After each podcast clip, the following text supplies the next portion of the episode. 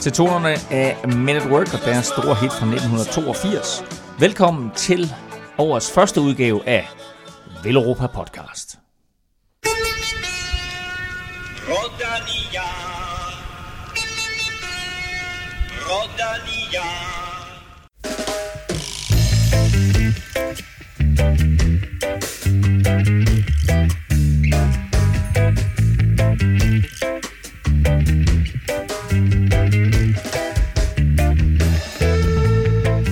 G'day mate, and welcome. Vi har i dag naturligvis fokus på Tour Down Under, der netop er skudt i gang med åbningssejr til den italienske mester Elia Viviani. Vi kigger nærmere på vores første World Tour løb og har blandt andet interview med Mikkel Honoré, som kører Tour Down Under for det Køning Quickstep. Det danske stortalent Mathias Skelmose er til gengæld sat udenfor med karantæne efter at have testet positivt for ulovlige stoffer. Og så er der nyt i Team Sky-sagen. Holdet er formentlig reddet, selvom de mister deres hovedsponsor efter denne sæson. Til gengæld skal en af deres tidligere læger afhøres i en lidt spejet sag, som vi kigger nærmere på. Hør også om øh, vores bud på en øh, top 30 over de største talenter på World Touren, udarbejdet af den ene af mine mates i studie 1 i dag. Det er naturligvis sportsdirektøren for hele Molovitten og Velropa CK, Kim Plesner. Velkommen til. Tak. Var det en svær opgave at lave sådan en uh, top 30 over talenter? Jeg synes egentlig, top 10 var sådan relativt nem. Det var top 30, jeg spurgte om. Jo, men top 10 var nem. Okay. Og, øh, eller ikke nem, men man kan altid lige skifte nogle enkelte pladser rundt, men, men sådan, de, de lavere placeringer var jo sådan lidt, lidt sværere, og så har jeg fået lidt på puklen over, at Paul Sivakov, han ikke, øh, han ikke er med. Så det, det er din fuldstændig subjektive liste? Nej, det er en, offi- nej, det er en officielle liste. Det er en officielle ja, liste. For der er ikke andre. Vi vender tilbage til øh, den her officielle top 30 liste og alle de andre punkter på dagens agenda senere, men selvfølgelig først velkommen til den kommende cheftræner på Villeuropa CK, Stefan Djurhus. ja, tak. Du, øh, du lægger hårdt ud her i 2019 med en spot om, hører jeg noget om. Hvad går du ud på? Åh, oh, nej, men jeg, jeg skrev lidt med Kim om, uh, han havde blandt andet hans uh, top, uh, top 30 liste og sådan noget, skrev vi lidt sammen.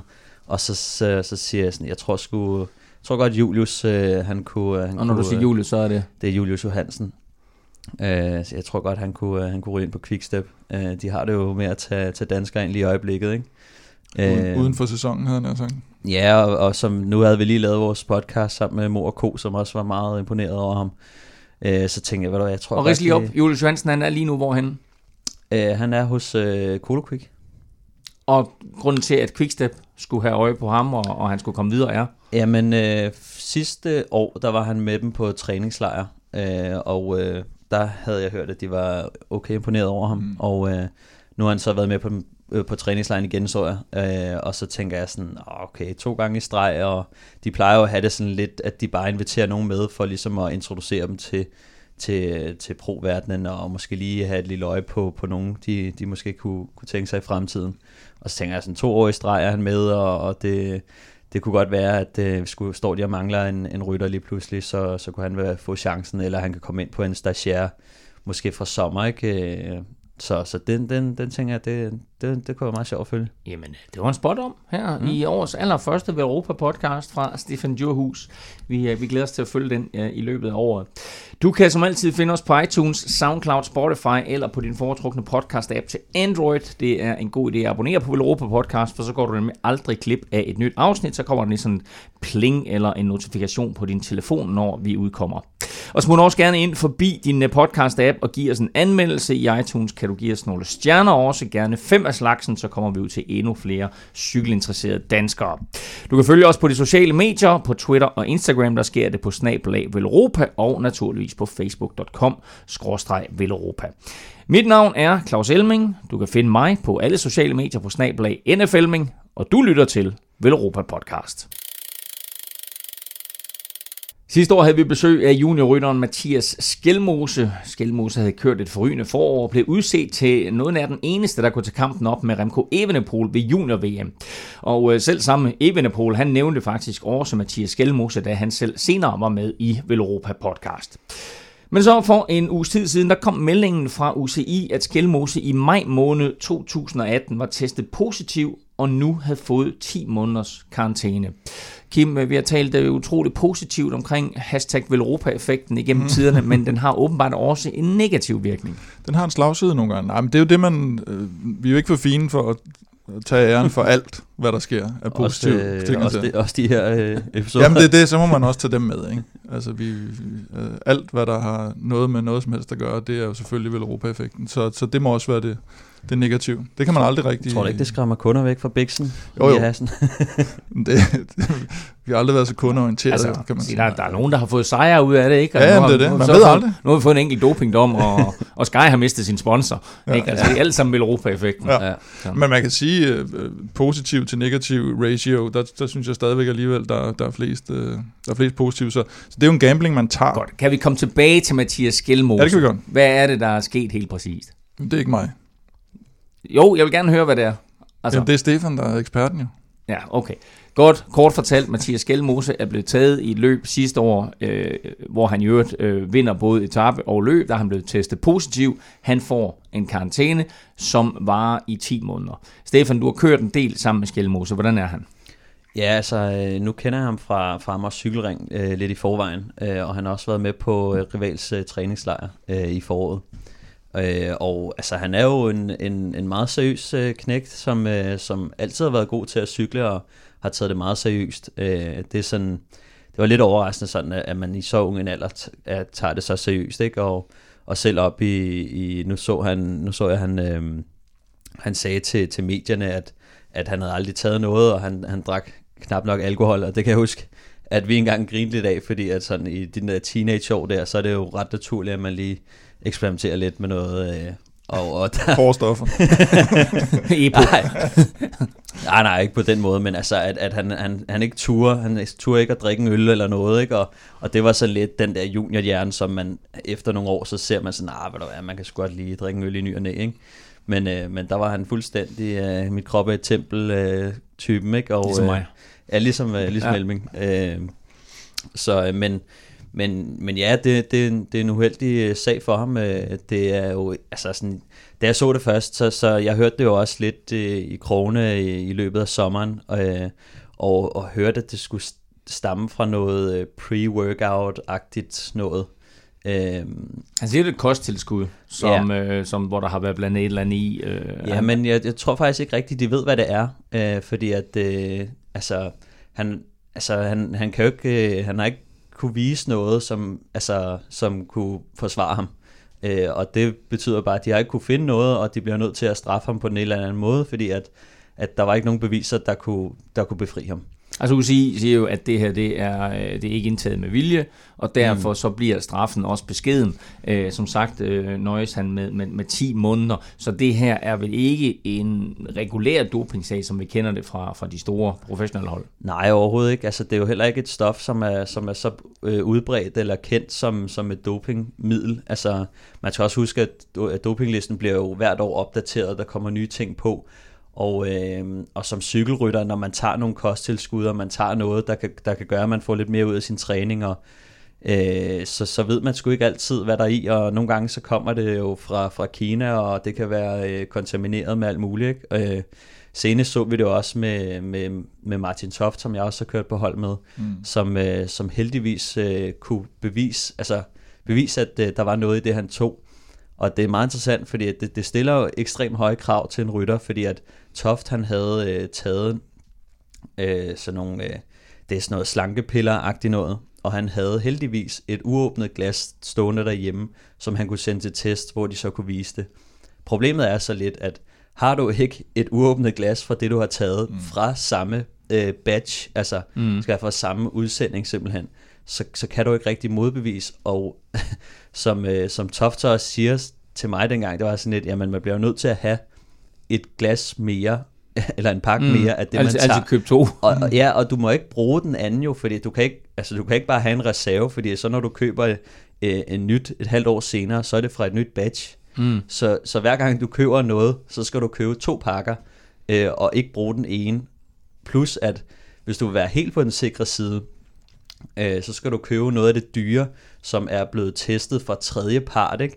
Og det er jo ikke alle produkter, der, er- der er så dyrt, at det er sådan, det bliver lavet, øh, altså de fleste... Men selv der synes jeg faktisk, at vi har hørt tilfælde af, at selvom det er test af tredje part, mm. at så er der nogen, som har taget noget. Var det Ja. ikke, jeg lige vil sige, var det, var det, var det, der er ikke, det var ikke Froome, eller, hvad, men var, der var en eller anden af de helt store, som, som har røget i noget ballade på et tidspunkt.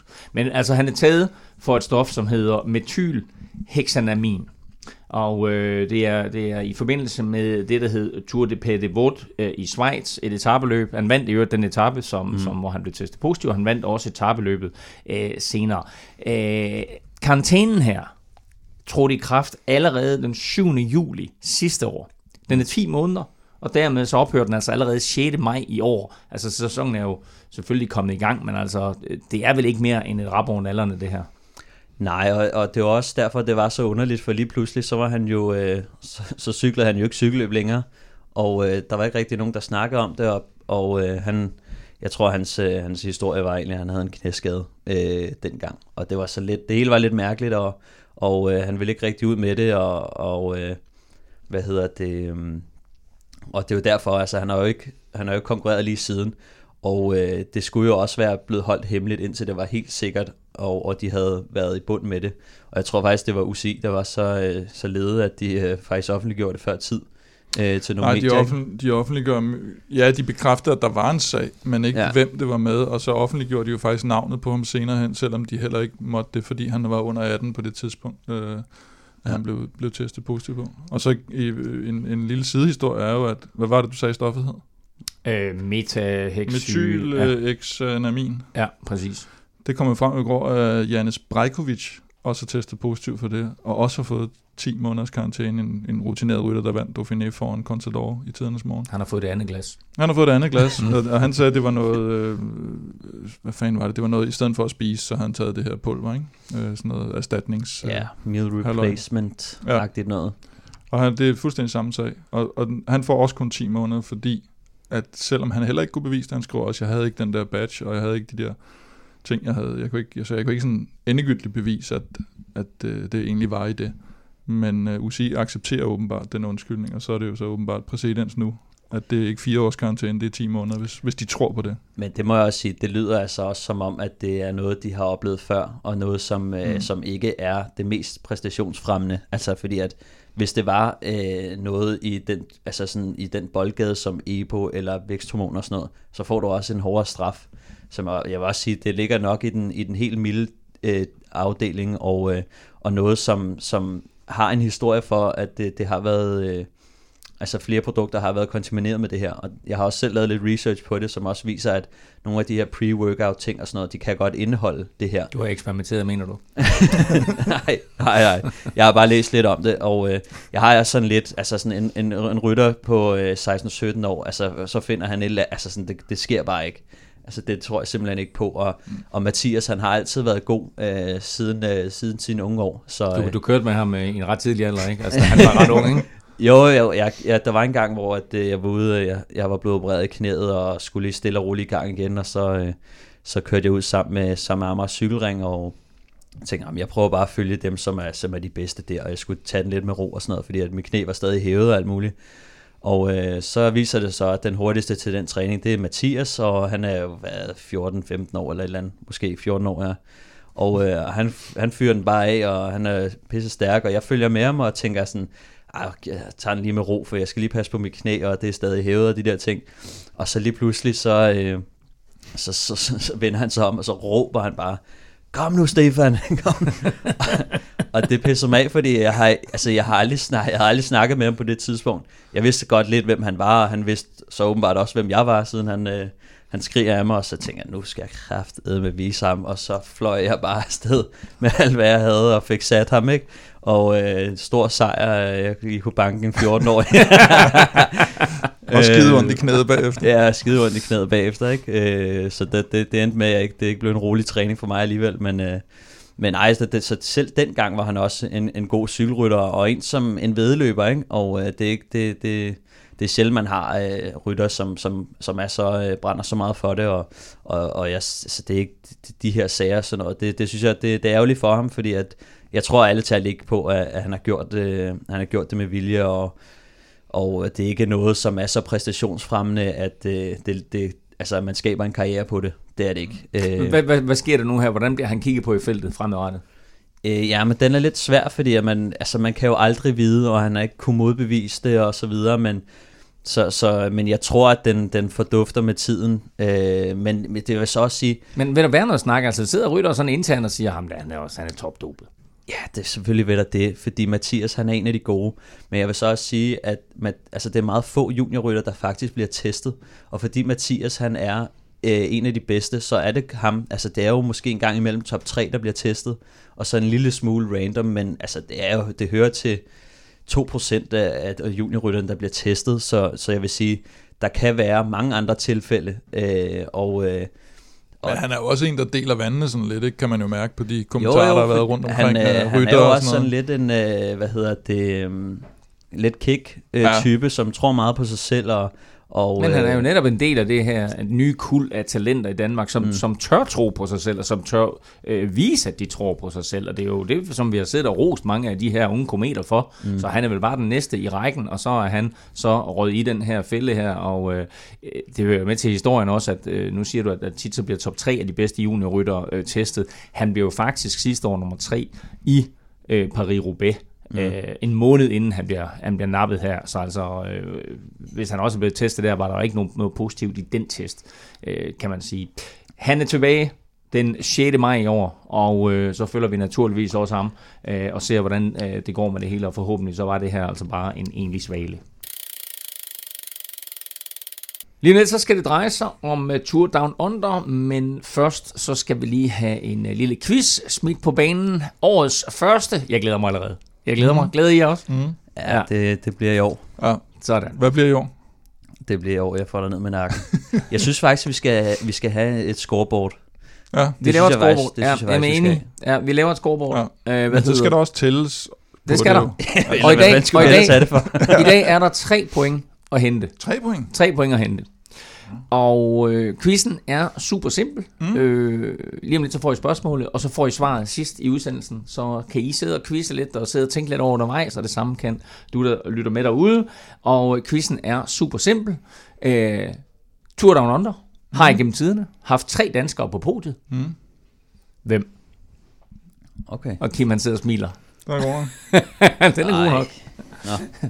Du, prøv at, det er det, Stefan, ikke? Du ved, jeg kommer med sådan meget historiske quizzer, men også meget relevante quizzer, så Ja, det du må det. bare begynde at læse op på tingene, jo, ikke? Ja, men jeg Så, synes, du skal være Men mindre. tre danskere på podiet gennem tiderne. Hvem? Og øh, der er ikke bonus for det, men det vil være flot også at sætte årstal på, Kim. I morges blev første etape af Tour Down Under afviklet i australske Adelaide. Det kønne Quickstep sprinter Elia Viviani sørger for, at det belgiske storhold, storhold fortsatte, hvor det slap sidste år, nemlig som en ren sejrsmaskine. I den afsluttende spurt, der skød Viviani frem til allersidst og oversprintede alle de andre. Og netop hvad det betyder for holdet med en god start i Australien, det fortæller nyprofessionelle Mikkel Honoré om lidt senere i denne podcast. Men først skal vi lige tale mere generelt om øh, årets første World Tour løb, som øh, jeg synes, hvis jeg sådan ser det udefra, at der har været mere fokus på end nogensinde før. Ja, det kan også være, at du bare har glædet dig mere til, til cykelsæsonen. Det kan godt være, Nu hvor du fordi det er så utroligt længe siden jeg sidst har siddet på en cykel selv. Ja, det kan... Ja. Øh, Men hvad siger du, Stefan? Jamen, øh, altså, jeg, jeg har glædet mig rigtig meget Du til at lidt, se... øh, du er lidt Jamen. pumpet op, ikke? Jamen, det må jeg sige. Ja. Det må jeg sige. Jeg glæder mig rigtig meget til at se øh, Richie Port øh, tilbage på cyklen, og jeg glæder mig til at se lidt øh, til Rowan Dennis, som, øh, som måske også i år skal prøve at gå lidt mere efter noget, øh, noget Han kører bare seks enkeltstarter. ja, men han er jo i gang med at lave en lidt transformation over til noget, øh, til noget GC i noget, øh, hvad Ja, hedder det? det er nogen, der siger, Etabeløb, ja. Så, så jeg glæder mig lidt til at se os. Ja, så Han øh, var jo lidt... Øh, han blev slået i de australske enkeltstartsmesterskaber. Ja, det Nogen det. siger, at øh, det ikke er så godt at køre på en Merita-cykel som en BMC-cykel. ja, det kan, det kan godt være. Det kan også være, at han ikke har øvet sig nok, jo. Mm. Tour Down Under ja. består af seks etapper. De to afgørende bliver formentlig fjerde etape, hvor de rammer øh, toppen af Corkscrew Road. Det er sådan en øh, 2,5 km stigning med øh, cirka 9% i snit. Og øh, så har vi den afsluttende etape søndag morgen, hvor legendariske Valunga Hill skal passeres to gange. Og Valunga Hill er den er sådan 3 km med 7% øh, i stigning i snit. Den skal passeres to gange, og den sidste gang det er så med mål på toppen øh, af bakken. Øh, det afsluttende gadeløb, som ellers altid plejer at være sidste etape i uh, Tour Down Under, uh, det afsluttende gadeløb i Adelaide, det er droppet. Hvad får det af betydning nu, Kim, at uh, det hele det, i stedet for slutter på Valunga Hill? Jamen altså umiddelbart burde det jo ikke få så meget betydning, fordi den sidste etape nærmest aldrig har haft nogen betydning. Den, ja. den har sådan været sådan lidt uden for de andre etaper, og det er nok også derfor, den er blevet droppet, fordi det har været sådan lidt ligegyldigt at, at egentlig køre det. Men der er bare et eller andet med det der med, at så er løbet færdigt, når man kommer der. Altså et eller andet med, at så er der ikke nogen, der lader noget som helst ligge ude på ruten måske. Øh, så jeg tror på en eller anden måde, at det kan blive en lille smule mere intenst med den afslutning. Jeg tror, det er rigtig set af arrangørerne at gøre det. Men altså, det er vel også kun de der tre ugers etabeløb, der har behov for sådan en afsluttet parade-etappe. Ja, det altså, må ja. man sige. Altså her, her der får du netop spænding og afgørelsen på den sidste etape på søndag. Mm. Ja, men jeg synes, det er rigtig set. Jeg håber, det, at det netop kan få, Ja, det ved jeg sgu ikke. Altså, de giver så selvfølgelig også, selvom det har været næste mm. etape, men der er bare et eller andet over, at nu, nu, er, det, nu er det færdigt. Ikke? Det nu skal man op og stå på Det bliver lidt federe, ikke? Altså, øh, det bliver lidt mere spændende, øh, selvom det har altid været løbsafgørende på øh, Valunga Hill. Men, øh. Nu må vi se, om, om, om det ikke bare bliver altså, etapeafgørende med Valunga Hill, men, men øh, faktisk bliver afgørende for hele løbet. Igennem tiden, der har Richie Port vundet seks etapper i Tour Down Under, og han ejer jo nærmest den her Vilunga Hill. Uh, han har vundet de sidste fem år i træk, mener jeg det er, på øh, uh, Vilunga Hill. Men altså samlet set har han kun vundet Tour Down Under en enkelt gang. Nu har han så skiftet til øh, Team uh, Trek Segafredo. Kim, bliver 2019 hans år på hjemmebane? Ja, jeg tror, han, jeg tror faktisk, han har gode chancer for at tage den, og jeg, og jeg synes også, han, han har prøvet at spille favoritrollen lidt væk og sådan noget, og det tyder som regel på, at man selv er favorit, mm. når, man, når man har brug for at gøre det. Og han har behov for en masse revanche, for, ja, ikke bare for sidste år, men også for forrige år, og nyt hold og sådan noget. Det, det og hjemmebane, det, det er sgu vigtigt for ham. Ikke? Så, så det, det er nok et, et rigtig godt bud på en vinder. Ikke? Og du siger det selv, at han, han frelægger sig lidt favoritværdigheden og smider den over på Wout Poels mm. med, med, med andre. Æh, er, det, er det for at, at slippe væk fra favoritværdigheden, eller er det for at tage noget pres af sig selv også? Ja, det er i hvert fald øh, kedeligt at være den eneste, folk kigger på, ikke? så det er meget godt lige at, at få spredt, spredt det lidt ud. Og, Men han er vel det store australske håb, med mindre uh, Rohan Dennis' transformation, den er vellykket. Ja, det må man sige. Altså, nu ved vi også, at uh, Mitchelson Scott-holdet der... Uh, jo, man kan sige, det, det er jo ikke... Altså, man så Daryl Impey vinde sidste år, ja. så det, det er ikke sådan, at du skal nødvendigvis skal være sådan helt vildt bjergget. Nej, det er jo, men det er jo derfor, det gør det spændende, ikke? at mm. det, det er mixet mellem, øh, mellem øh, de, de stærke rytter, som, som godt lige kan klemme sig hen over og, og tage nogle bonussekunder hister her, ikke? Og, øh, og så samtidig med de der klatre, som, som i år kommer også til at være øh, for eksempel Woods og øh, Pierre Latour. Og... Men lad os bare, lad os bare tage dem, altså. Mm. Hvem, hvem ser I som favoritter i det her løb til den samlede sejr? Kim? Ja, men Port selvfølgelig, Port Poles... Øh Richie Port var Pols. Det er Olympi. Ja, han skal jo også ud og... Og så måske, jeg ved, jeg kender ikke lige formen på Jamie McCarthy, men han er også en type, der godt kunne gøre det, som egentlig er lidt for spændende. Sagde du Jenny McCarthy? Nej, jeg sagde ikke øh, han, hendes søster, Jay McCarthy. øh, han, så, og så George Bennett selvfølgelig også, som vel er fra, han er fra New Zealand, er han, ikke, tror jeg. Så næsten hjemmebane. Mm. Han er, han er kiwi. Mm. Øh, Michael Velgren Jamen, er med. Han, har han en chance? Ja, men han kører jo officielt for øh, Tom Hjelte Slagter. Som blev tre af sidste år, Som ikke? blev tre af sidste år, mener jeg også, ja. Øh, men så er alle meldingerne dernede fra er jo, at Valgren er helt fantastisk flyvende, han er trimmet, han er ditten, han er datten. Og så spurgte jeg ham, om, øh, om han vinder i år, eller om varmen bliver, bliver lidt bøvlet for ham, og så siger han, at han vinder ikke det løb, om det så er 10 grader eller slag, og slagregn. så, øh, men det kan også godt være sådan en for at lægge, øh, lægge noget pres fra sig selvfølgelig, men jeg tror faktisk ikke, at han... Jeg tror sgu ikke rigtigt. Han, han indtager en hjælperrolle, det du siger. Ja, det, det, det er jo svært at sige, men det, det, jeg, jeg, tror ikke, jeg tror ikke, han vinder. Vi har fire danskere med. Det er Michael Valgren, det er Lars Bak, det er Michael Mørkøv, og så er det uh, Mikkel Honoré. Hvad kan, vi, hvad kan vi sige om de fire? Jamen, vi kan jo sige, at Valgren har vi lidt været inde på, at han, øh, han, han ligger officielt til en, til en hjælperolle for, for Tom Hjelte Slagter, og så er det klart, at hvis han lige pludselig selv er godt kørende, så tager han sin egen chance. Øh, så stort et navn er han. han. Man skal også huske på, at han er, han er topnavnet hos øh, Dimension Data. Han er øh, den, den øverst placeret på verdensranglisten osv. Øhm, og han har jo Lars Bak med som øh, hjælperytter, som i hvert fald er hjælperytter. Mm. Og, og han og Mikkel Honoré, de skal måske ligge og hente nogle udbrud ind, hvis der er noget, der bliver troende for, for nogle af deres øh, klassementsfolk. Og så har vi Mørkøv, som jo selvfølgelig kører lead-out for, for Viviani. Og netop det her med, med, med lead-out, det så vi, altså jeg vil sige, første etape var sådan, øh, det var en meget mærkelig sprintafgørelse. Der var et, et sving kort før mål, som, øh, som fik større betydning, øh, end man ser det i mange sprinter. Det blev sådan lidt øh, øh, uorganiseret det hele, og øh, så blev det sådan alle mod alle øh, til sidst, uden rigtig nogen lead-out, og der viste Elia Viviani sig bare øh, hurtigst af alle. Øh, der er sådan tre, måske fire af de her etaper, der kunne gå hen og blive afgjort i en sprint. Hvem ser vi som de store favoritter ud over Viviani?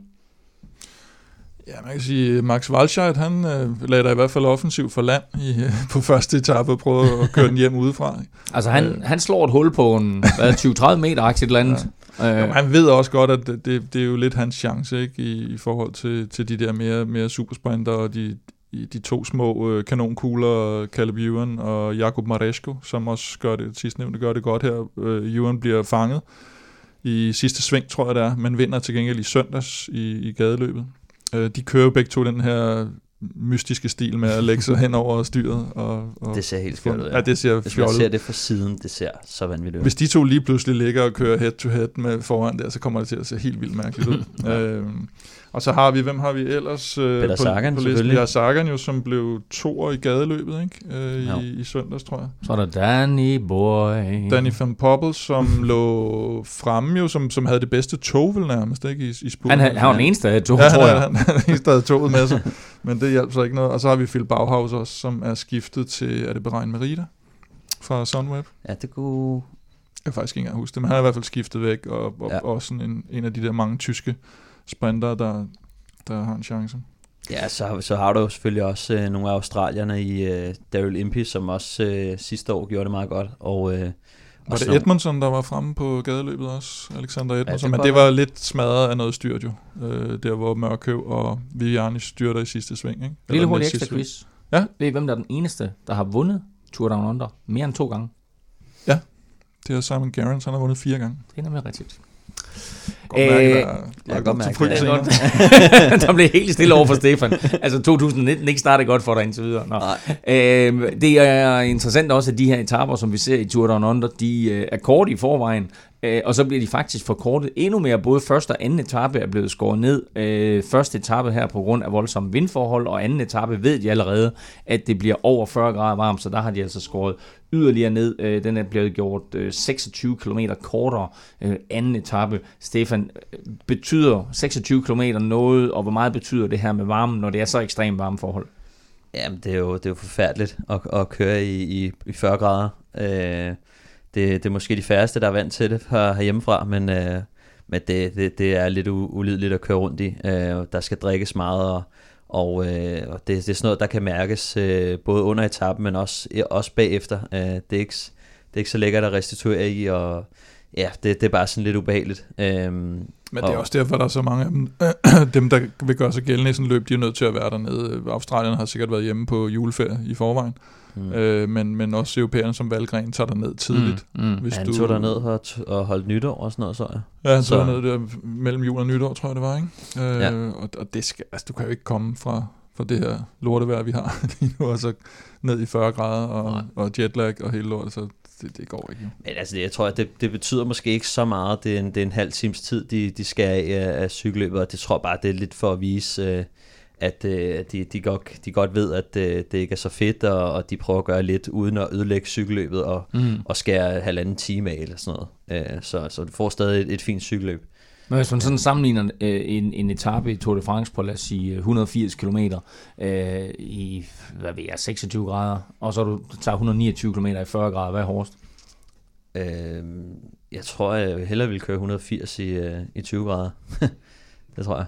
Ja, ja, men nu sagde jeg 26 grader. Det er så okay. 26. Ja, 26 grader. Stadig.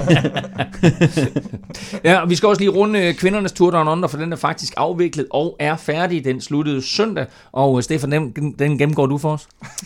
ja, det kan jeg da godt, det kan ja. jeg da godt. Øhm, Jamen, øh, det var jo Mitchelson Scott, der, der tog føringen, og, øh, og jeg tror, det var på var det anden etape, at øh, Amanda Spratt, hun, øh, hun kørte afsted. Det var en, en ret kuperet etape, og hun kørte solo hjem foran øh, sin egen holdkammerat, tror jeg faktisk, det var. Eller også så, Lucy Kennedy. ja, øh, og, øh, og det, det, det blev så afgørende for cykelløb, og hun, hun endte med at, at stryge hjem og tage den for. Det blev et, øh, det blev nemlig rent, rent triumftog for Middleton Scott. De ja. Vandt for fjerde år i træk, vandt de øh, løbet, og faktisk for tredje år i træk var det Amanda Spratt, som vandt, så øh, hun har sat sig godt og grundigt på det der nede, og Middleton Scott var i øvrigt totalt dominerende. De fik førstepladsen. Andenpladsen samlet gik til Lucy Kennedy, og så gik pointtrøjen til øh, Sarah Roy. Der var ingen danske kvinder med øh, ved øh, start i år i Adelaide. Hos herrene er der som bekendt fire danskere med i Tour Down Under. En af dem er nyprofessionelle Mikkel Honoré. Kim Plesner fik en snak med den 21-årige dansker, blandt andet om ungdomsårene i Fredericia med de to Krav Andersen-brødre, om livet i The Wolfpack på det König Quickstep, og om forventningerne til Tour Down Under, og hvem man skal holde øje med på Quickstep i den kommende sæson. jeg fløj den anden fra, fra Billund af, og så var vi hernede den fjerde. Så det skulle være meget lige at, at kunne vende sig til, ja, til varmen og tidsforskellen og så videre, ikke? Med andre ord, så øh, melder du dig ind i klassementskampen i øh, Tour Down Under nu? Ah, nej, det vil jeg ikke sige. Ej, jeg vil sige, vi har en meget ja, klar dagsorden ikke, for Viviani, for at kunne forhåbentlig kunne vinde en etape, så, så tror jeg, vi vil være, være glade i hvert fald. Ja. Nå, hvad hedder det, Mikkel, nu skal du høre. Øh, når jeg har fortalt sådan nogen, at nu skal jeg lave et, et podcast-interview, og så siger de, nå med hvem? Og så siger Mikkel Honoré, og så siger de sådan, nå, ham kender jeg ikke. Ja, Det er jo så forhåbentlig det, vi kan finde lidt ud af. Øh, Hvad, hvad, hvad er du for en? Hvorfor, eller hvor, hvor kommer du fra, og hvorfor startede du med at cykle? Jo, men jeg kommer fra, fra Fredericia, øhm, og startede egentlig med at cykle øh, som syvårig, primært på grund af min storebror også gjorde det, og min øh, morfar også øh, tidligere været cykelrytter som, som amatør. Det lyder umiddelbart, for nu kan jeg Øhm. huske, at jeg lavede et interview med, med Søren Krav på et tidspunkt, som vist også kommer lige præcis derfra, Ja. og også har en storebror, og også havde nogle forældre. Det er jo nærmest samme historie. det, det er egentlig meget sjovt, fordi at vi bor jo ikke an, eller vi er ikke anden fra, han bor 6 km fra mig, ikke? Eller det gør hans, øh, hans forældre, og jeg cyklede i, i Middelfart Cykelklub, og, øh, hvor hans far Henrik har, har været træner, og jeg træner meget både med, med Asbjørn og Søren, og sammen med min storebror også. Så du ved, du ved hvad der venter. Det, det tegner meget lovende, hvis man kigger på, på Sørens øh, resultater sidste år. Ja, det må man, må man nok sige. Han har, sat med, han har virkelig klaret det, klaret det rigtig godt, og ham og Asbjørn har også altid været en slags inspiration for mig, ikke? Som, som ung. Ja, helt fra tilbage til U15-rytter, når man øh, har ligget og trænet sammen og så videre, ikke? Så det er klart øh, været med til en, en stor hjælp til at nå, hvor man er i dag, ikke? Og hvilken, hvilken ryttertype, vil du, hvordan vil du beskrive dig selv som ryttertype? Åh, det, det er ikke sådan... Det er jeg i hvert fald ved at finde ud af 100% ikke, men altså... Jeg vil umiddelbart sige en, en all-rounder, som, som er god til lidt af det hele, ikke? Men umiddelbart vil jeg rigtig gerne satse på, hvad kan man sige, hvis man skulle drømme om øh, en uges etabeløb, eller nogle øh, kopierede løb som, som Liège-Beston-Liège, eller, eller lignende, ikke? Hvordan kom du egentlig i kontakt med, med Quickstep, hvor du var stagiaire sidste år, og, og nu har fået kontrakt? Øhm, jeg kørte en, en test i, i sommer, og så blev jeg kontaktet i, ja, i slutningen af juli. Jeg blev spurgt, om jeg kunne tænke mig at køre stagiaire for dem. Hvordan foregår det sådan med, at du siger, at du kører en test? Altså, der, du finder ud af, at Quickstep er interesseret i, at du skal aflægge en prøve for dem, havde han sagt. Og hvor tog du så hen, og hvad, hvad gjorde du? Jo, men så fløj jeg til, til det, der hedder Bakkala Akademiet, som de har nede i, i Leuven i Belgien, ved øh, samarbejde med Leuven Universitet. Og så, ja, så har jeg været dernede og kørt test ja, i Belgien, og selvfølgelig snakke med holdets træner. Ja, og så hører du egentlig ikke så meget mere for helt ærligt, og så får du, så er det jo, har det jo vist gået nogenlunde i, i løbet af sæsonen, ikke? Og så de, har man så fået muligheden for at komme ind som stagiaire, og så er det jo gået endnu bedre. Men altså selv regne med at have en uh, World Tour kontrakt i sidste ende, det havde jeg ikke sådan ikke troet på, men øhm, det endte så ind med.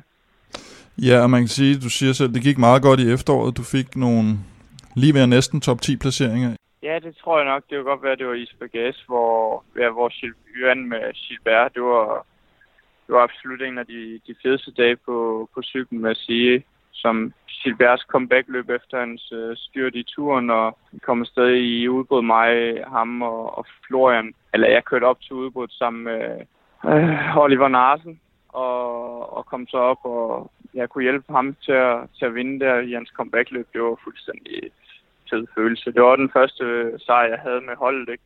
Øhm, så det var vanvittigt fed dag. Og så skal du ned og køre Down Under for Viviani. Jeg tror, de vandt en etape nede sidste år med Viviani.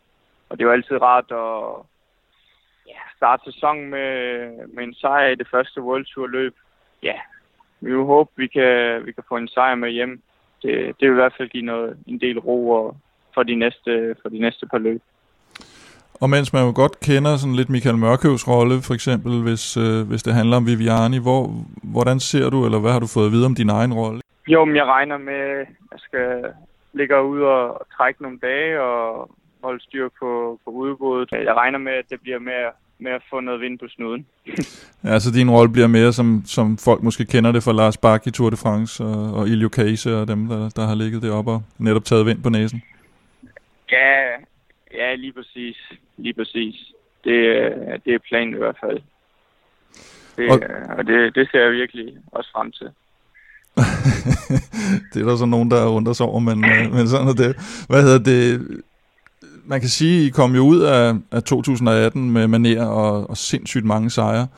Øh, og, og så kan man sige, ja. hen over vinterperioden, så faktisk er det jo kun dig og så Remco Evenepoel, der er kommet til holdet, og så er der rådet lidt øh, store navne ja. som Niki Terpstra, Gavidia og sådan noget ud igen.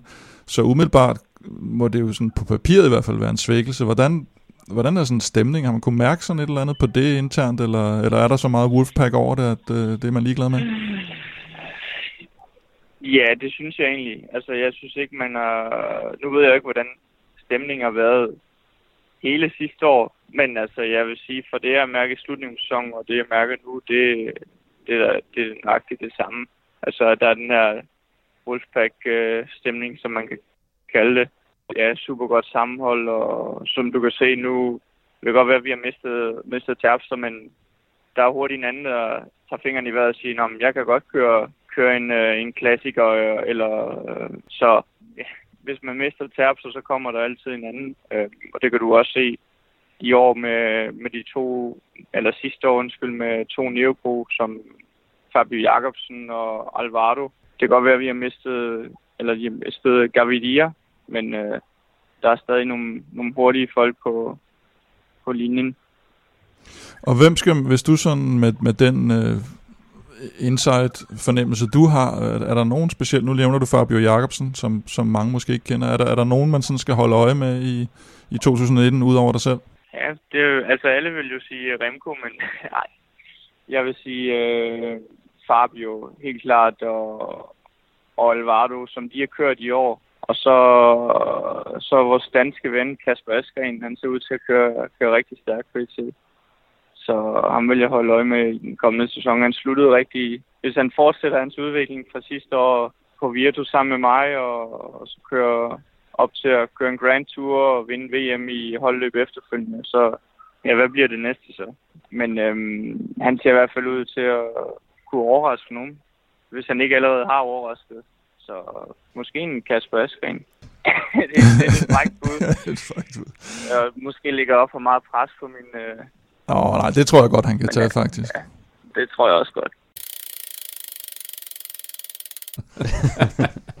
det, er, det er spændende og, og, og fedt også, at Mikkel han nævner vores gode ven Kasper Askren, som en man skal holde med her i 2019. Askren han forlænger jo faktisk i weekenden sin kontrakt, øh, kontrakt med det Køning Quickstep frem til og med 2021. Jeg, jeg, jeg, jeg er allerede træt af at sige det der, det Køning.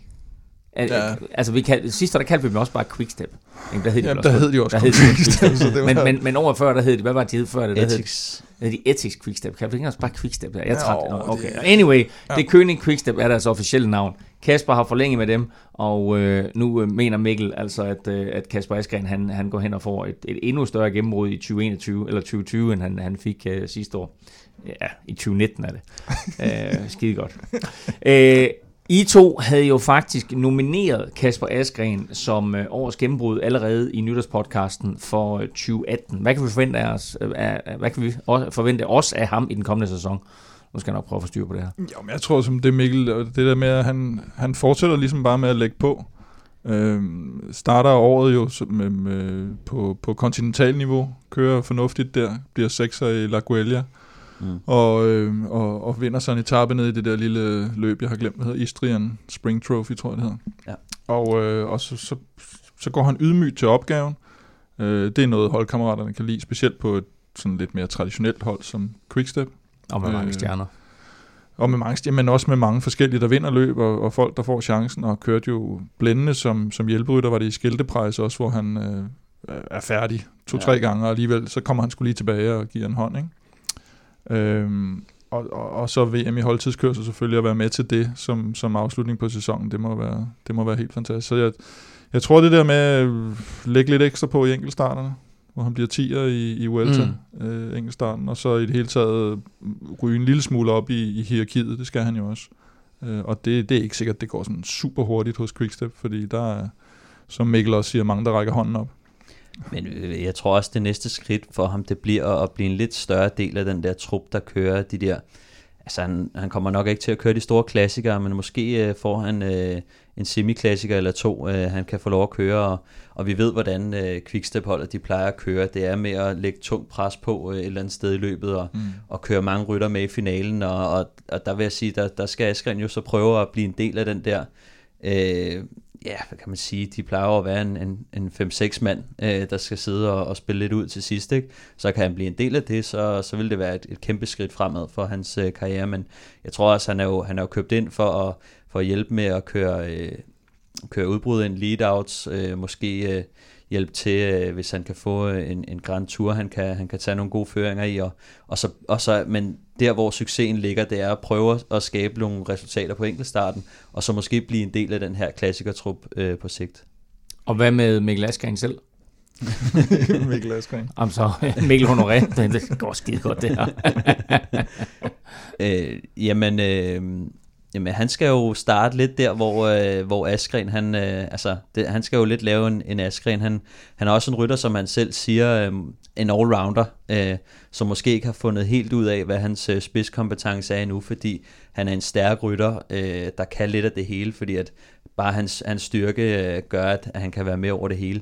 Men, øh, men han, som, som jeg kan se fra, fra hans øh, tidligere resultater, så er det de her, han er, han er, jeg tror det var i 2017, var han i, i blev han nummer 8 i, hvad hedder det, U23 øh, øh, ungdoms øh, Flandern rundt, øh, og Gent Wevelgem, øh, hvor han så også blev øh, eller 6 sidste år øh, i U23 Gent Wevelgem, ikke?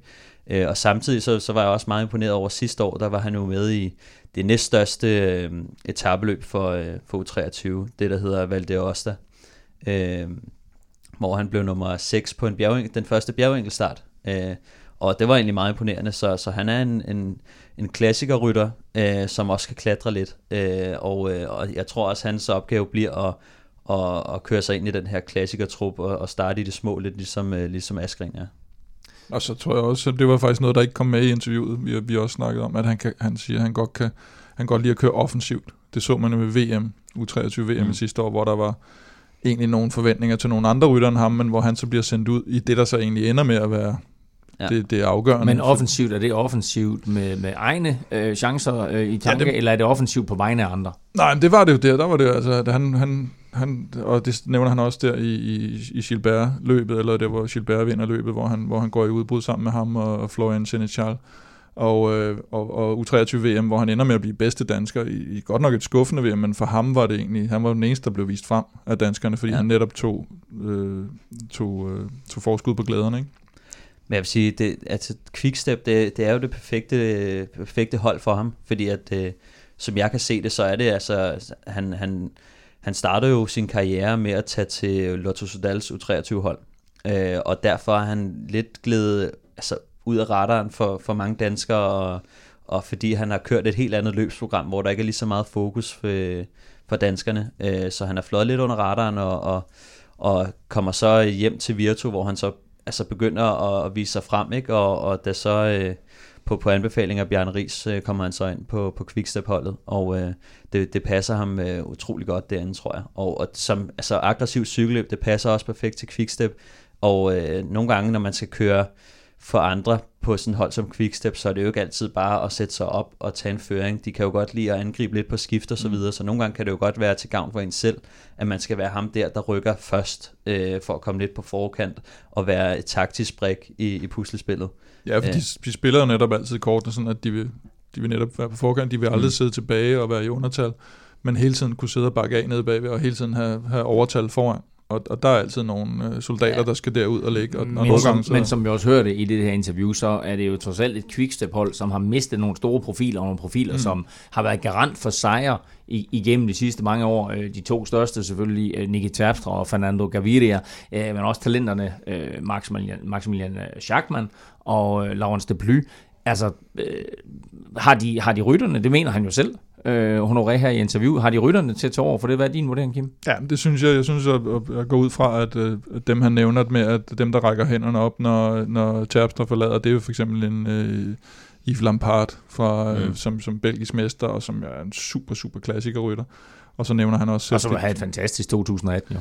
Ja, ja, og, og, og 2017 brød han også allerede igennem, ikke? og de, de har haft sådan lidt øh, overskud. De har stadigvæk Stibar, som jo kører rigtig, rigtig mange topplaceringer hjemme i klasse. De har Gilbert, så altså, det er ikke fordi, de, de går og mangler nogen der, og på Sprinterfonden har de jo, som han også nævner, Fabio Jacobsen og Alvaro Hodek. Som også kan køre de der semiklassikere. Ja. Uh, så så det er, de, de har bare haft et overskud, og, og Øh, Patrick Lefebvre, han er også en god købmand, så han ved godt, at når, når Nicky Terpstra i en sen alder, og, og som Flandern rundt vinder, skal ud og, og, og op, opdyrke en ny kontrakt, så er det også med penge i sigte. Øh, jeg mener, han er 34 eller sådan noget. Ikke? Og der skal han jo vurdere, hvor meget får jeg ud af at give ham sådan en ordentlig løncheck mod, har han i virkeligheden toppet? Det man så, da de sagde farvel til Silvan Chavanel, hvor man også tænkte, åh, det har ellers været en god Han har ikke vundet en skid, siden han mm. Øh, forlod dem. Dan Martin, der tager til UAE og har ikke vundet noget som helst der. Kittel er jo et skrækeksempel.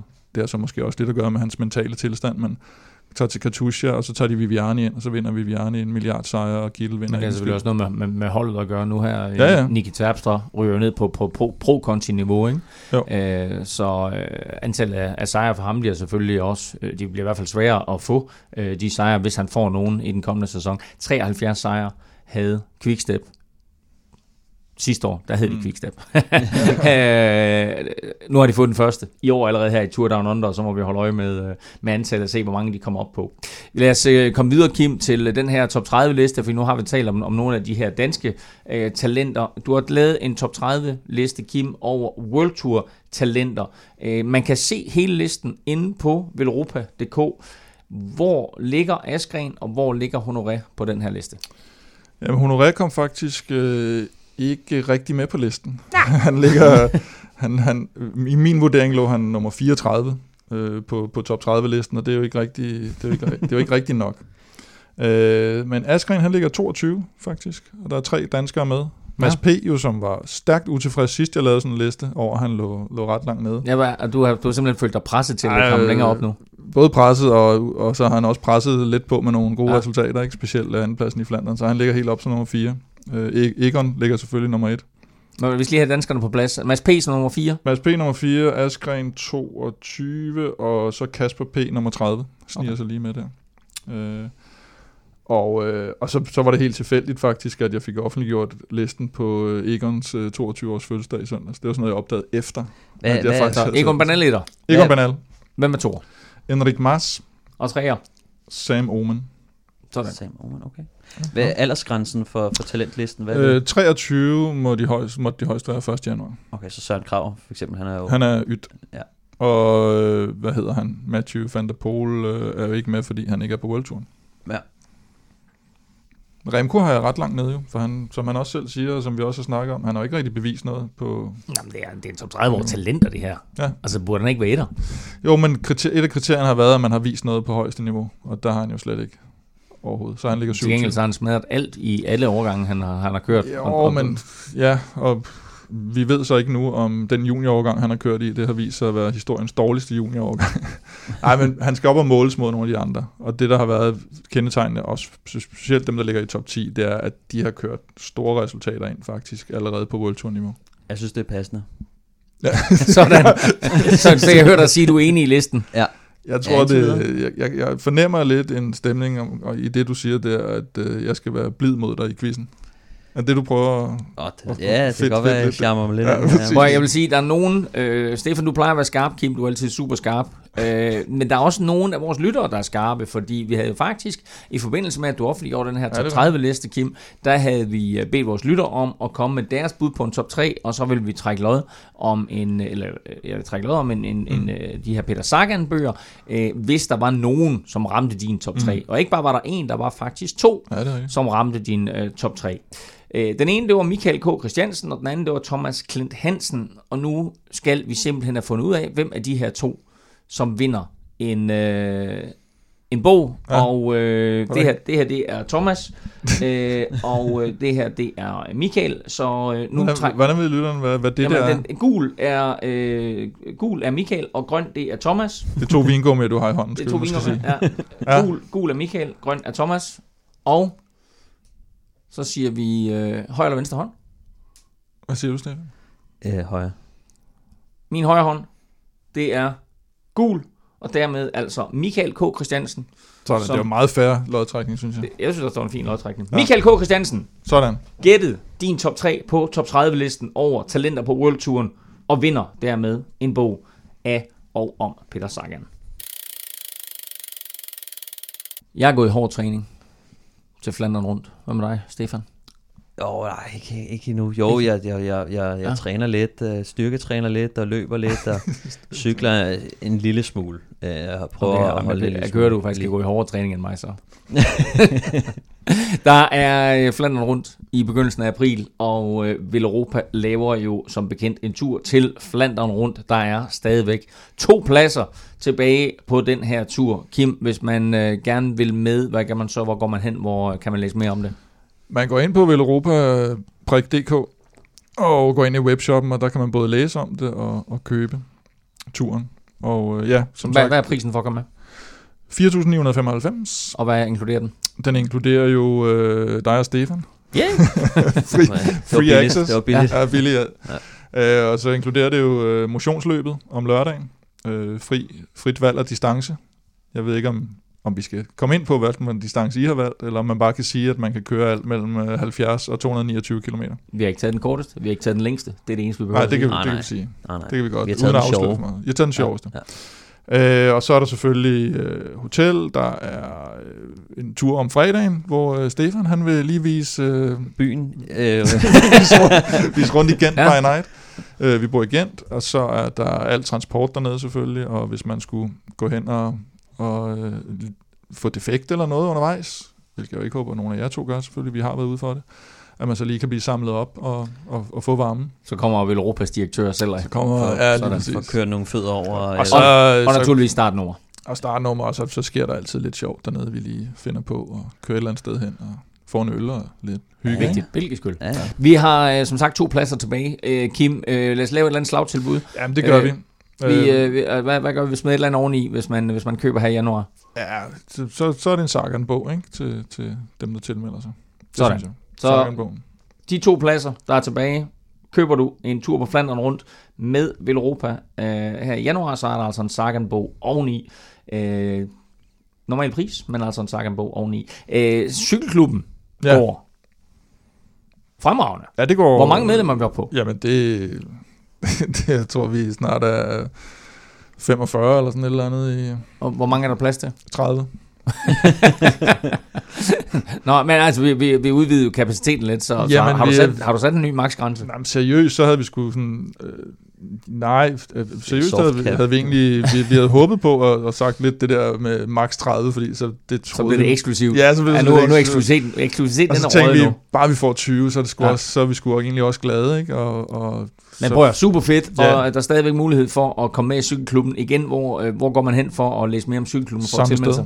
Velropa.dk Der, ja, det er der, det sker. Det er bare der, det sker. Det er det, der sige. sker. Vil det Europa ned. Stefan, du er træner for det Ja, her det er. hold, og du har tidligere talt om, at der, der kommer til at blive kørt nogle øh, benhårde sky-intervaller. Øh, men jeg har også hørt noget om, at der er klubaftener om mandagen. Ja, Hvad går det ud på? Kim.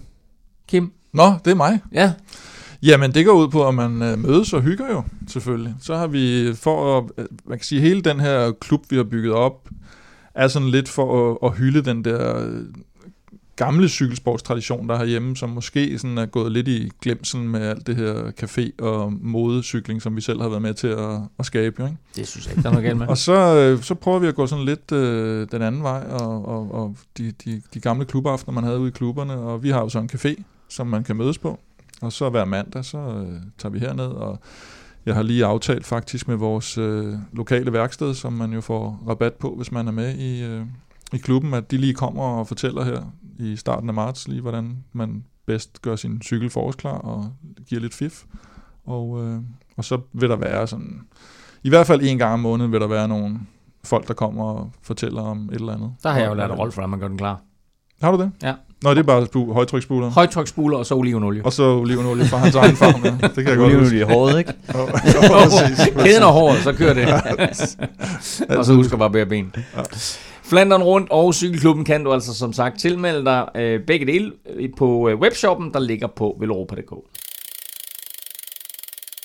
Den italienske sportsavis Gazzetta dello Sport skrev i sidste uge, at Team Sky er garanteret 70% af deres sponsorbudget fra Sky-koncernen i 2020 og 2021, hvis det ikke lykkes Sir Dave Brailsford og Company at finde en ny sponsor. Stefan, du har kigget sådan lidt øh, øh, Skys budget igennem i detaljer. Hvad betyder det her sådan helt præcist? Jamen, Sky, de har jo i forvejen et, et noget højere budget end de andre hold. Øh, og, øh, og det betyder, at, øh, at selv, øh, altså, selv når de går ned på 70% af det, Sky giver dem, så vil de stadig være et, et, et overmiddel øh, World Tour hold. Så det, det betyder en hel del, og jeg tror på de forpligtelser, de har, øh, og at holdet overhovedet ikke går tabt, øh, det, det, altså, det gør, at de stadig vil være have en, en, en, en høj placering øh, på World Touren.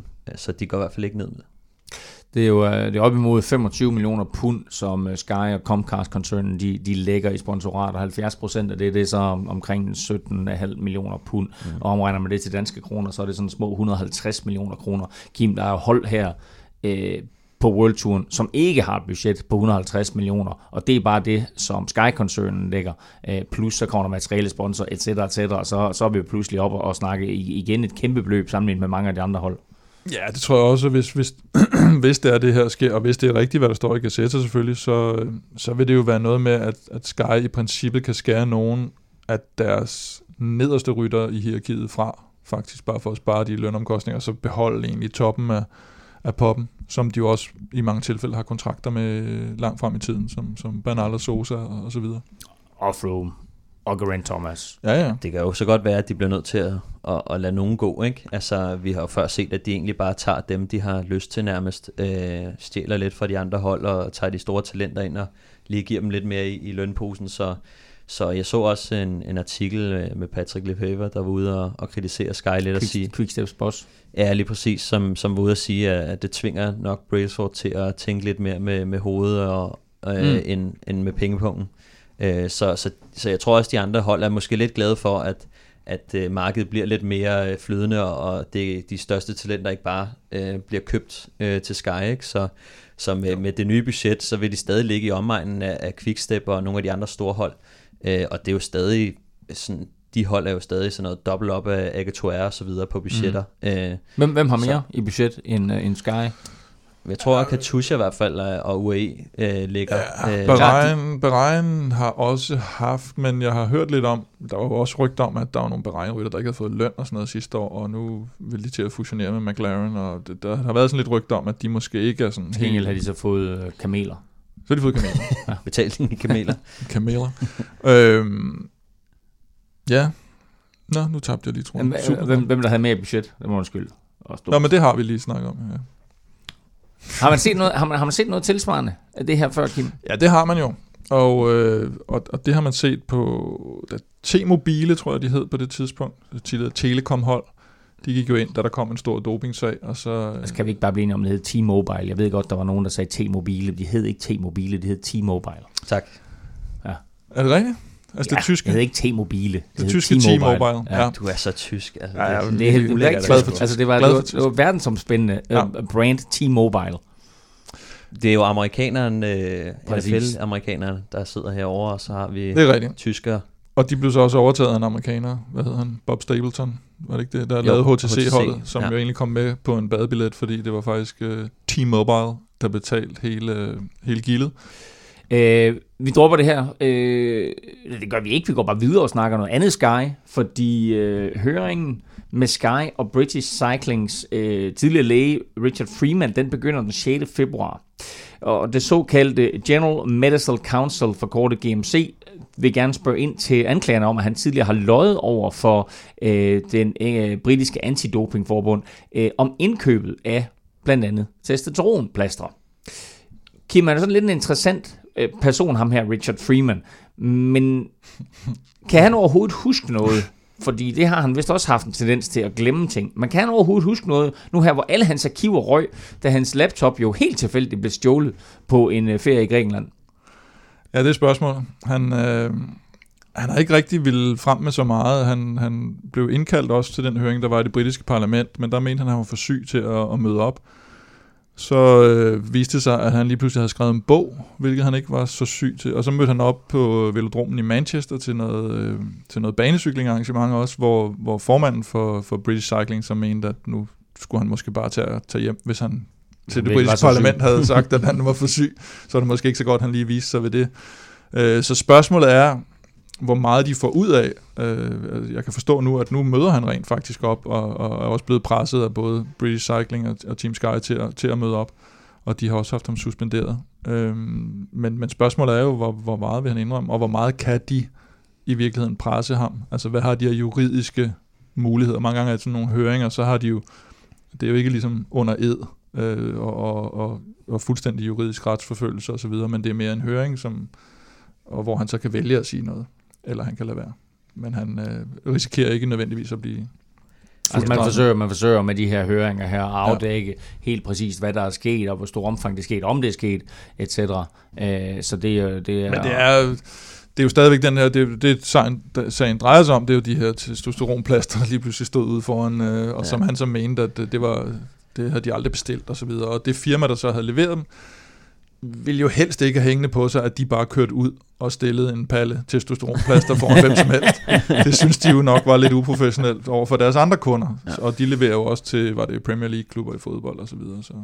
Testosteronplaster eller noget. Ja, det ved jeg ikke, men i hvert fald produkter.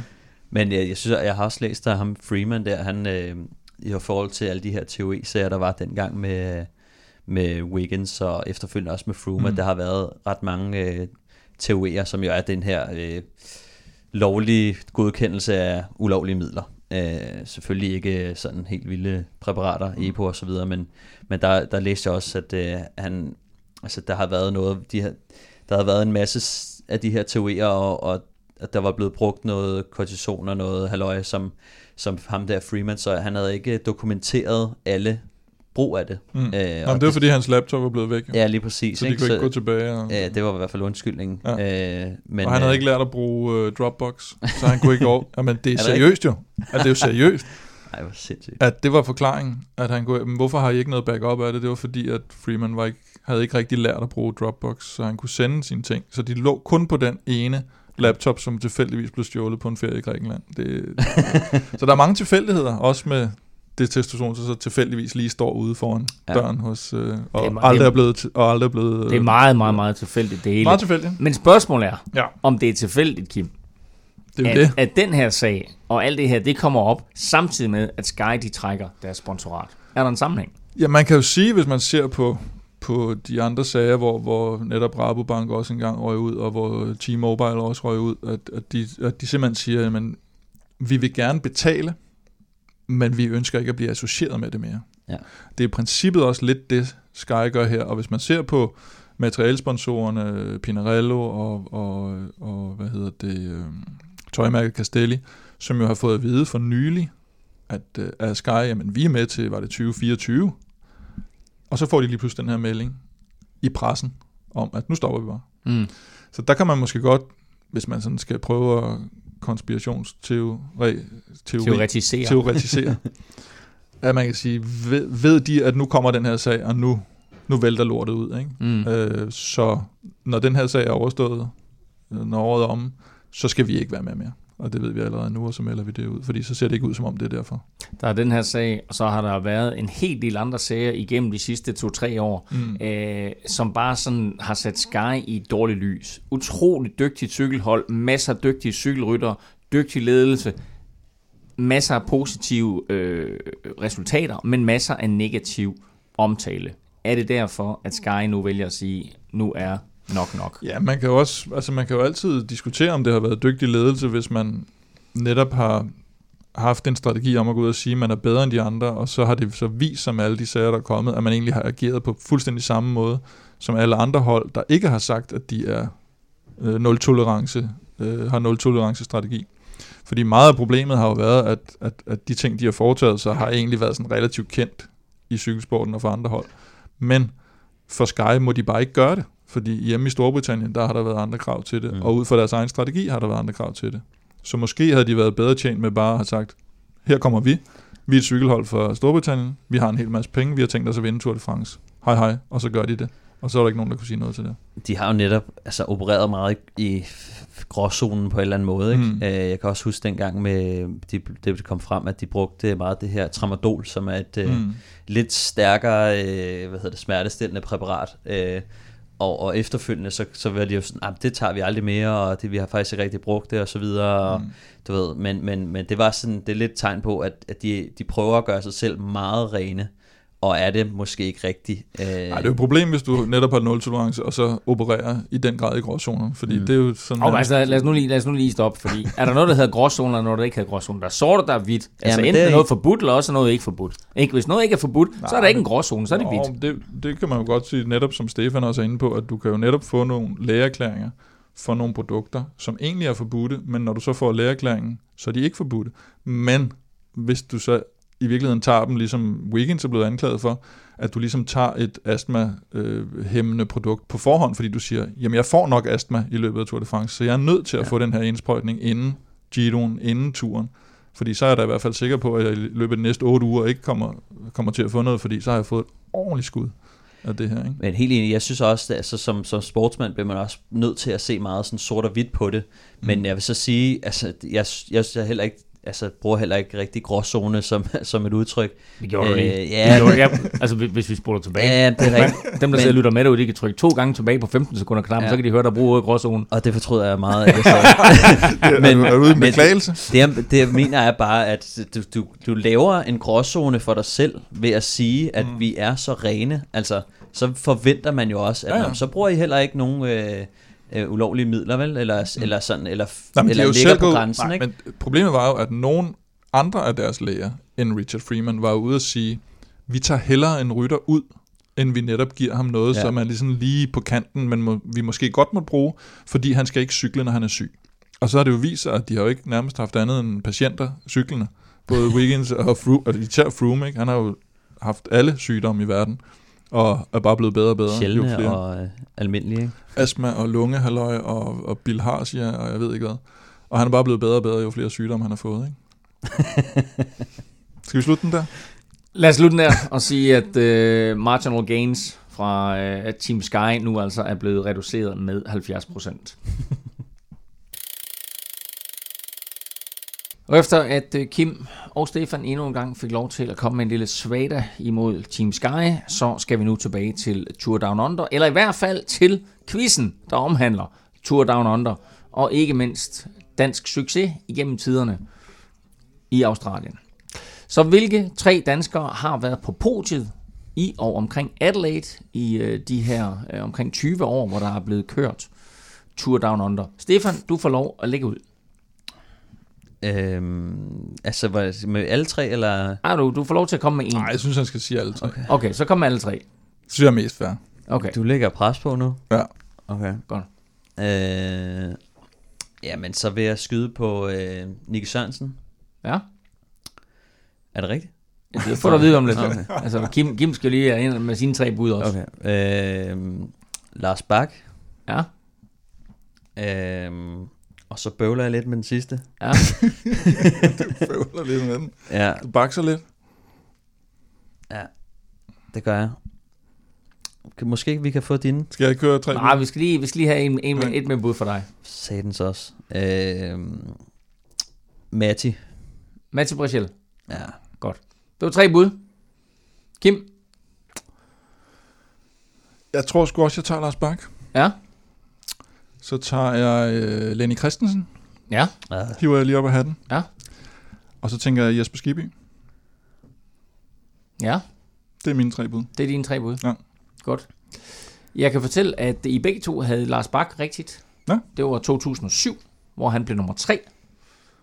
Så har vi to andenpladser. Den første var til Jesper Skibby i det første år, hvor der blev kørt Tour Down Under, nemlig i 1999. Nej. Og så i 2003, der fik vi en anden plads til en rytter, der hed Lenny Christensen. What? Så Kim rammer 3 ud af 3. Stefan, du får en enkelt. Og dermed, altså Det er scoren, en god start på året, scoren efter første quiz er 3-1 til Kim. Så der får, man tre, der får jeg alle tre point. Det sagde, der var 3 Ja, point er i spil. Ikke? Så, det- så der er du- 3-1 der er du får du. large. 3-1 efter første, årets første quiz. Som lytter, der må man også sidde og spørge sig selv, om der er snyd med i, i spillet her. Altså. Lenny det kan I jo så. Det kan I jo så. Hvem, hvem er Lenny Christensen? Jamen, I kan jo se. Lenny? Du sidder og peger på det, din kan se, du peger på din computerskærm. computer, og du sidder og googler. Det kan jo, I kan jo se, jeg har jo ikke rørt tastaturet. Nå, det er det, du vil sige. Ej, det hører faktisk med til historien. Det er lidt sjovt, fordi når, når vi kommer med de her quizzer, øh, så har du faktisk en lille fordel, Kim, fordi du har siddet og forberedt... Ja, Jeg har forberedt et uh, cykelmagasin for Tipsbladet og Ekstrabladet, der udkommer her i starten af marts, tror jeg. Og der Og du simpelthen jeg siddet og høvlet Jeg diverse... har høvlet en del øh, cykelløb og rytter og jeg ved ikke hvad igennem. Og det, ja, og det har været også god øh, research i forhold til vores øh, onsdagsquizzer her på caféen, så det har været meget nemmere at lave dem, fordi man støder på alle mulige mystiske... Øh, Nå, for eksempel havde et, øh, før en Nå, men for eksempel, vi kan lave, vi, jeg laver lige en modquiz fra, fra sidste onsdag. Der er jo Simon og Adam Yates, som jo er tvillinger. Og så er der faktisk et tvillingepar mere på World Touren i år. Dem skal I så lige fortælle mig, hvem er. Øh, Isagir-brødrene er ikke øh, tvillinger? Nej, Okay. Og... Øh, så bliver der stille. Ja, Ja, det gør der. Nej, det er svært. kom med dem. Det er et portugisisk tvillingepar, der hedder Gerardo. Ivo og Rui... Costa. Jeg Du ikke kan- kan ikke engang selv. Ej, selv Kæft, huske, det er pinligt, det Ej, der. det er pinligt. Nå, Hedder det ikke uh, Rui, Rui Costa? Nej, han kan næsten ikke hedde Rui Costa, det hedder de jo alle sammen. Rui Costa er jo også fodboldspiller. øh, lidt Fodboldspiller. ældre. Ja. Nej, men Ru- Rui Costa, han er jo tidligere Jamen, verdens det er heller ikke det, han hedder jo. Men han er jo alt for gammel til at lige pludselig have en tvilling, der også kører rundt. De hedder Oliveira. Oliv... Nå, det er Oliver Han hedder Ivo og Rui Oliveira, det er derfor. Nå, Nå, hvad kører ja. de for Movistar nu? Det er øh, fra øh, UAE, Nå, 22 år gamle. spændende. Godt. Øh, næste gang du kommer med sådan en improviseret Så quiz, bedre så vær lige bedre forberedt. Men sådan er ikke? improviseret jo. Så, jo, du skal stadigvæk kunne svare. Du er ikke tilladt at stille en quiz, uden at kunne svare. Vi nærmer os afslutningen på øh, denne første udgave af Veloropa podcast i 2019. Øh, lige en par oplysninger på falderæbet, nemlig øh, søndagstræning. Kim, mm. det er koldt, det blæser, det sneer faktisk også, men søndagstræning fortsætter. Ja, det gør den. Jeg tror faktisk, der var egentlig, nu jeg tænker over det, var der en, øh, en øh, gæstetræner på. Øh, Bjarne Tim, en af vores investorer, han tog træningen i søndags, fordi det var øh, ruskevejr. Og så var der egentlig planlagt om at skulle aflyse den, men så sagde han, det, det gør vi ikke. Og Det kommer ikke til at ske. De, de helt hårde drenge, de var, de var ja. ude at køre i, i, i, i slagregn og sidevind. Søndag, mødetid klokken. Det er klokken 9, man kan mødes fra på caféen, og så er der afgang 9.30. Der er mulighed lige for lige at, en- at få øh, pumpet dæk og få en kop kaffe En og så kaffekop. videre. Lignagtigt. Øh, vores ene træner, Ja, det er Bo. Valsted, Ja, men han var ikke med i søndags. Men han var ikke med i styrtet, han, eller han var ikke med i styrtet, jo, han var netop med i styrtet. Han styrtede faktisk øh, på bane. Han valgte at køre bane i stedet Ja. for øh, i regnvejr, og det, det, det, var en, øh, det var en dårlig investering, Der kan er man nogle grum, grum omgang. Den var Øh, lidt, man ser ud til at øh, være sluppet sådan rimelig heldig fra det. Ja. Øh, men han springer over lige øh, i, et- i, i et par søndage i hvert fald med, øh, med, med træning der. Men øh, vi har naturligvis en, øh, en anden træner på plads, og så glæder vi os jo super meget til, at øh, Stefan Djurhus han øh, kommer ud af, af sin luksustilværelse og siger, okay, Sin luksusferie. ja, jeg vil også gerne Vinter. køre om vinteren. Vi øh, har ikke så meget mere på programmet, enten jeg kan sige, at øh, Kim og Velropa kan du følge på Twitter og Instagram. Det sker på snablag Velropa. Stefan er at finde på snablag Stefan Djurhus, og undertegnet kan du følge alle steder på snablag NFLming.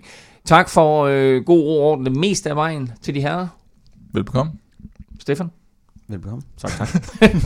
Tak. tak for nu. Tak fordi du lyttede med. Huro, boy boy.